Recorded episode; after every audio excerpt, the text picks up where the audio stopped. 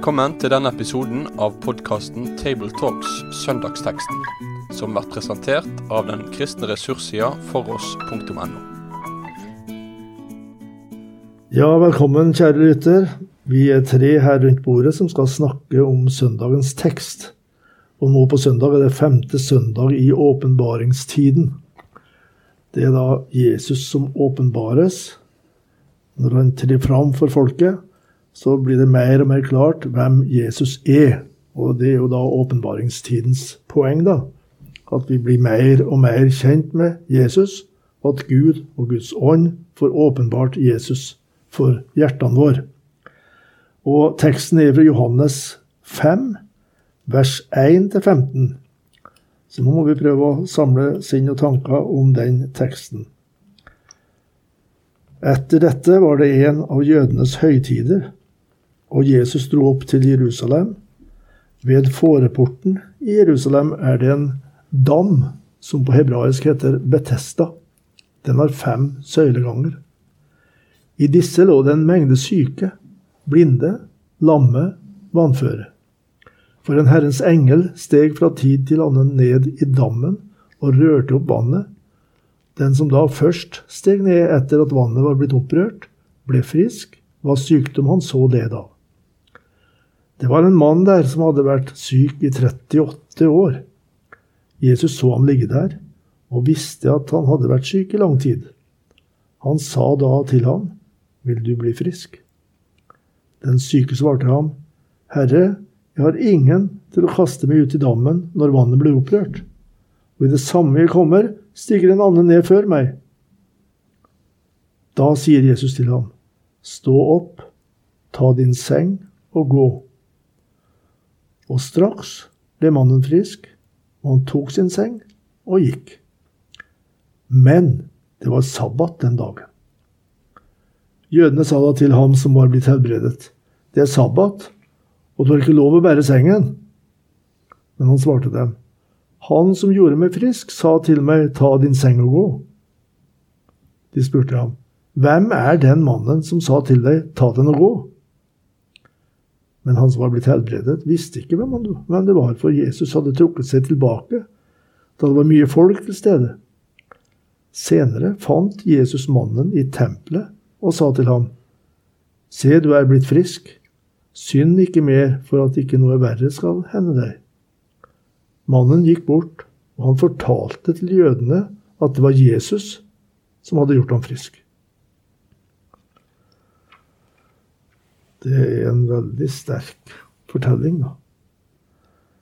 Det er mange enkeltheter også i en sånn fortelling som jeg kom på når jeg leste det først. Jeg tenkte å nevne det før vi slipper samtalen fri her. At det er en av jødenes høytider. Og jeg pleier alltid i sånne tekster å si noe om hvor viktig og flott det er at vi har høytider. Og hvor viktig de er i menneskelivet. At det er en sånn syklus. Så det tror jeg går an å nevne, men det blir da et bimotiv, naturligvis. Ja vel, Svein. Det er ikke sikkert du skal preike på denne søndagen, men du har tenkt litt over hva du vil ha lagt fram, kanskje?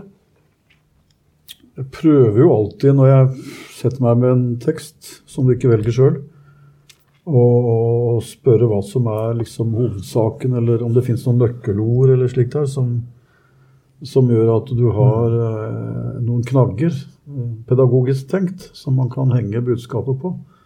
Det er litt om å gjøre at eh, når folk har hørt i 20 eller 25, alt ettersom hvor lenge vi kan forkynne på en gudstjeneste, hvis det er det vi snakker om, det kan være andre samlinger òg, at det er noe som, som, som, en kan huske, som kan knytte det til. Så Nei, jeg vil, jeg vil nok Jeg vil nok uh, Tror jeg tar fatt i det som uh, som han sier når de, de, kommer og spør ham, for det var jo sabbat som var på feil dag. Jesus gjorde dette her, og så blir det bråk, som det ble flere ganger. Og så spør de hvem, hvem var det som gjorde deg frisk. Hvem var det? Det syns jeg er kanskje er gode spørsmål. Hvem var det som gjorde dette her? Da er vi liksom der hvor det starter, mått i etterkant. Det som gjør at uh, dette er inne i Johannes sine vitnesbyrd om Jesus. Johannes er jo enda mer selektiv enn de andre evangelistene. Han velger bare noen få undergjerninger. Tydelig veldig bevisst. Og her vil han ha fram en samtale om hvem, hvem, var, hvem er han, denne mannen. Hvem var Jeg, jeg tror jeg ville tatt det som på en måte inngressen. Fin trapp inn Ja. til teksten. Ja. Og hva ville du ha svart på det spørsmålet, Asbjørn? Ja, nei, Jeg vil ikke svare med en gang. Jeg syns vi kan stoppe litt ved teksten. Den er jo så lang og sammensatt. Og det er jo påpekt at fra vers 3 og utover så er det jo gjengitt en slags folketro på at eh, en Herrens engel røsket opp vannet osv. Og, så og da gjaldt det å hoppe uti først. Og det er jo merkelig at det er tatt med. Eh, Det er eh, man, enkelte som mener at det er lagt til senere, men altså jeg tror jo Den kristne kirke bevisst har latt være å utelate det òg, fordi at det viser kanskje bare denne mannens forestillinger og hvordan man tenkte på denne tiden. Og det sier noe om at eh, vi mennesker har så mange slags forklaringer og utveier for hvordan mennesket skal bli frelst. Mens eh, vers 6 f.eks. sier jo det veldig sterkt at det var Jesus som så ham. Og det er jo veldig betegnende allerede det, at det lå en masse mennesker her ved, eh, ved bunnpunktet, på en måte, saueporten, det liksom laveste punkt, og de foraktede lå her. Men Jesus så ham. Og ikke bare det, han visste at han hadde vært syk så lenge. Eh, Så det er Jesus som er sentrum i alt dette rotet, på en måte. Og så stiller han det merkelige spørsmålet Vil du bli frisk? Med andre ord, han hadde blitt kanskje så opphengt i metodene, denne mannen, hvordan han skulle bli frisk, og hva slags måte det skulle skje på, at han hadde glemt at han faktisk kunne komme ut av denne situasjonen. Ja, han hadde vel ikke glemt det, men han satte sin lit til noe helt falskt, og det var en folketro. Og så har jeg også, som dere, lyst til å fokusere på Jesus, da, som, som sier det som er helt umulig for mannen. Du skal stå opp, ta båren din og gå. Alle tre tingene er umulig for denne mannen. Men Jesus hadde sett ham og visste og kunne si noen ord som skapte en helt ny situasjon. Det er for meg en, en flott prekentekst. Ja, men da jeg. hadde du sagt mye som Ja. svar på spørsmålet hvem var Jesus. Ja. Du ser jo så her det starter med en overnaturlig innsikt i situasjonen. Og så er det en medynk med den syke. Jeg har vært syk i 38 år, altså det er en voldsomt lang tid. I forrige søndag Det er vel nærmest en mannsalder rett fra Ja, det det, måten å tenke på, tror jeg. Forrige søndagstekst, fjerde søndag åpenbaringstiden, var det ei dame som har vært syk i 18 år. Så sånne ting stopper ikke Jesus, da. Det gjør bare undergjerningene hans enda mer underfull og mektig. Og hans omsorg går helt ned til den nøden som er aller djupest. Også denne, denne måten å, å takle det på, ved å bruke imperativ stå opp, ta en seng og gå, som du sa, Asbjørn. Det er jo sånn som Gud. Gud skapte i Det gamle testamentet. Salmen 33, han bød, og det skjedde. Han talte, og det skjedde. Han bød, og det sto der. Og her går Jesus inn i den gudsrollen, da. Så det blir jo et svar, i tillegg til det Asbjørn tok fram her nå, altså at Jesus er guddommelig. Altså En god preken den klarer vel å forene litt av den si, dramatikken som ofte ligger i tekstene, med det som er det åndelige eller teologiske innhold. Hvis vi klarer det, så er også sjansene for at tilhørerne kan eh, ikke bare ta med seg, men også huske det vi ønsker de skal ta med seg. Så, så, denne teksten her, den, eh, den, den gir oss en god del eh, å bruke, både av fortellingselementer, dramatikk og ting som kan hjelpe folk til å huske. Og samtidig så har den en sånn indre oppbygning med tanke på hele tiden det som jeg var opptatt av innledningsvis. da, Hvem er han? Jeg har eh, likt veldig godt å tale om Jesus som han som ser. Fordi det er faktisk eh, et av de uttrykkene som brukes. Eh, Johannes, men også synoptikerne, de, de, forteller av og til at Jesus ser, og så kan vi bare ta det som en helt alminnelig opplysning som vi kan bruke om oss sjøl, at vi la merke til et eller annet. Men det er ganske tydelig i hvert fall en del ganger at når Jesus ser, så er det han ser med et blikk som er annerledes. Mm. Akkurat som han taler med en annen myndighet enn de skriftlærde fariseerne sier til Han taler annerledes. Så ser han også. Han så Sakkeus der, der, på grenen. Det var ikke bare at han la merke til ham, men han så han inn i Guds rike. For det blir sett av Jesus. Det blir sett av en far som ønsker å vinne våre blikk tilbake. Så jeg tenker at når Jesus ser, så, så er det en som er kommet nettopp for å vinne vårt blikk og for å se oss, se oss hjem. Så her kan man knytte en god del til Jesu frelsesgjerning, tenker jeg. Og samtidig må vi prøve å nagle det fast til denne enkle beretningen om denne mannen. Den beretningen er jo sånn, ligner litt på Johannes 9, faktisk, med den blindfødte. Ja. Den dialogen med fariseerne her, altså. Eh, det er rett og slett eh, levende fortalt. Så jeg ser for meg på leir, så ville jeg ha tatt plassert ungene i roller, og så har vi fått framstilt denne teksten her litt sånn dramatisk. For det er jo da en underlig dialog mot slutten her, da. Som starter med et 'men'. Det var sabbat. Så gleden over at han var frisk, den fantes ikke der. Der fantes det bare det at eh, de sabbatsforskriftene vi har, dem er nå overtrådt.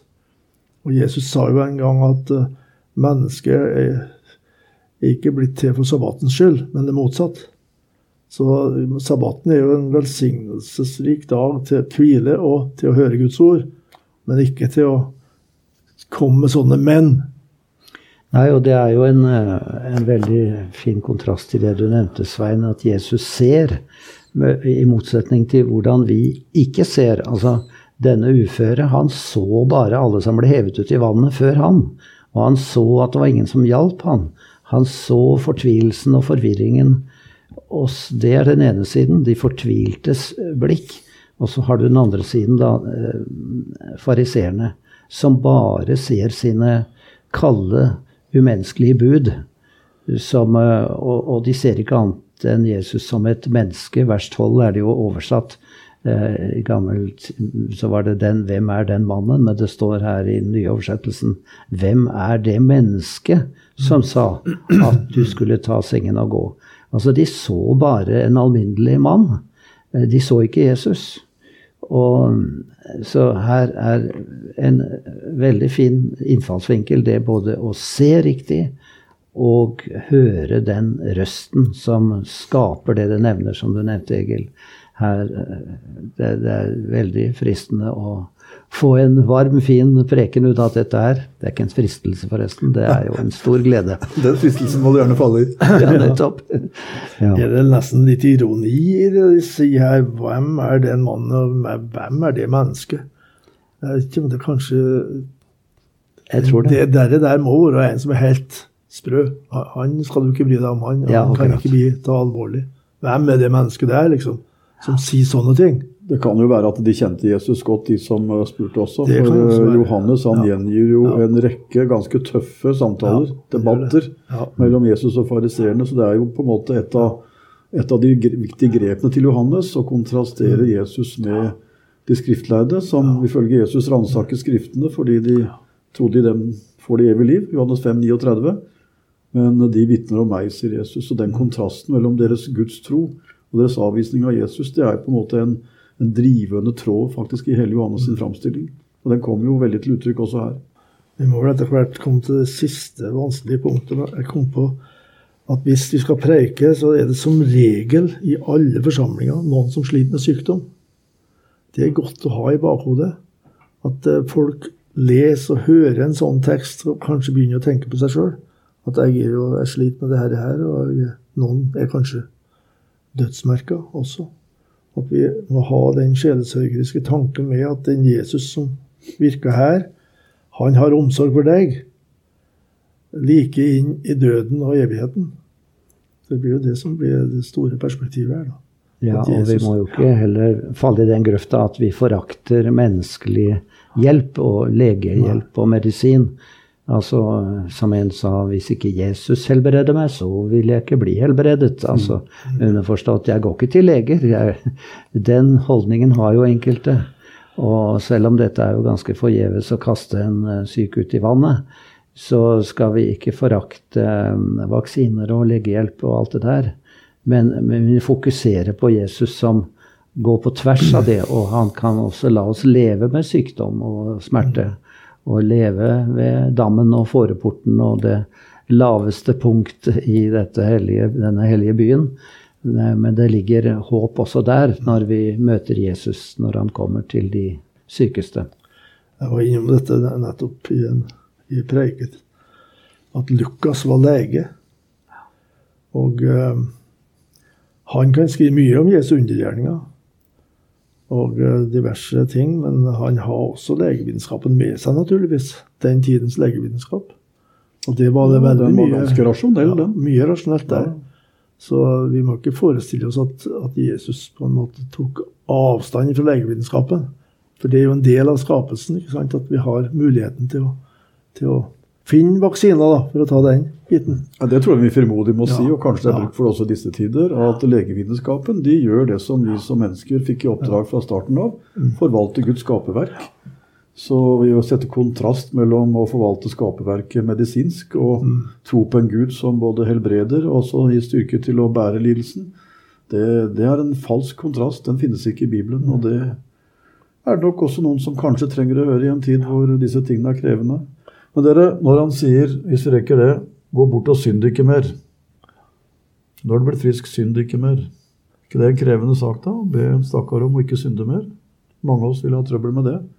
Det var det en kvinne som fikk beskjed om også, Ja, ja. som uh, slapp å bli stenet. Mm. Heller ikke jeg fordømmer deg, sier Jesus. Gå bort og synd ikke mer. Hva mener han? Det er grunnholdningen til synda, at vi får en uh, omvendelsesholdning. Ja, det er vel det som er poenget. Det er å leve i en avstandtagen, for å si det sånn. Snu ryggen til eh, synd og fristelser og ondskap. Men det er ikke naturligvis slik at eh, ved den minste synd så faller vi ut av nådens stand.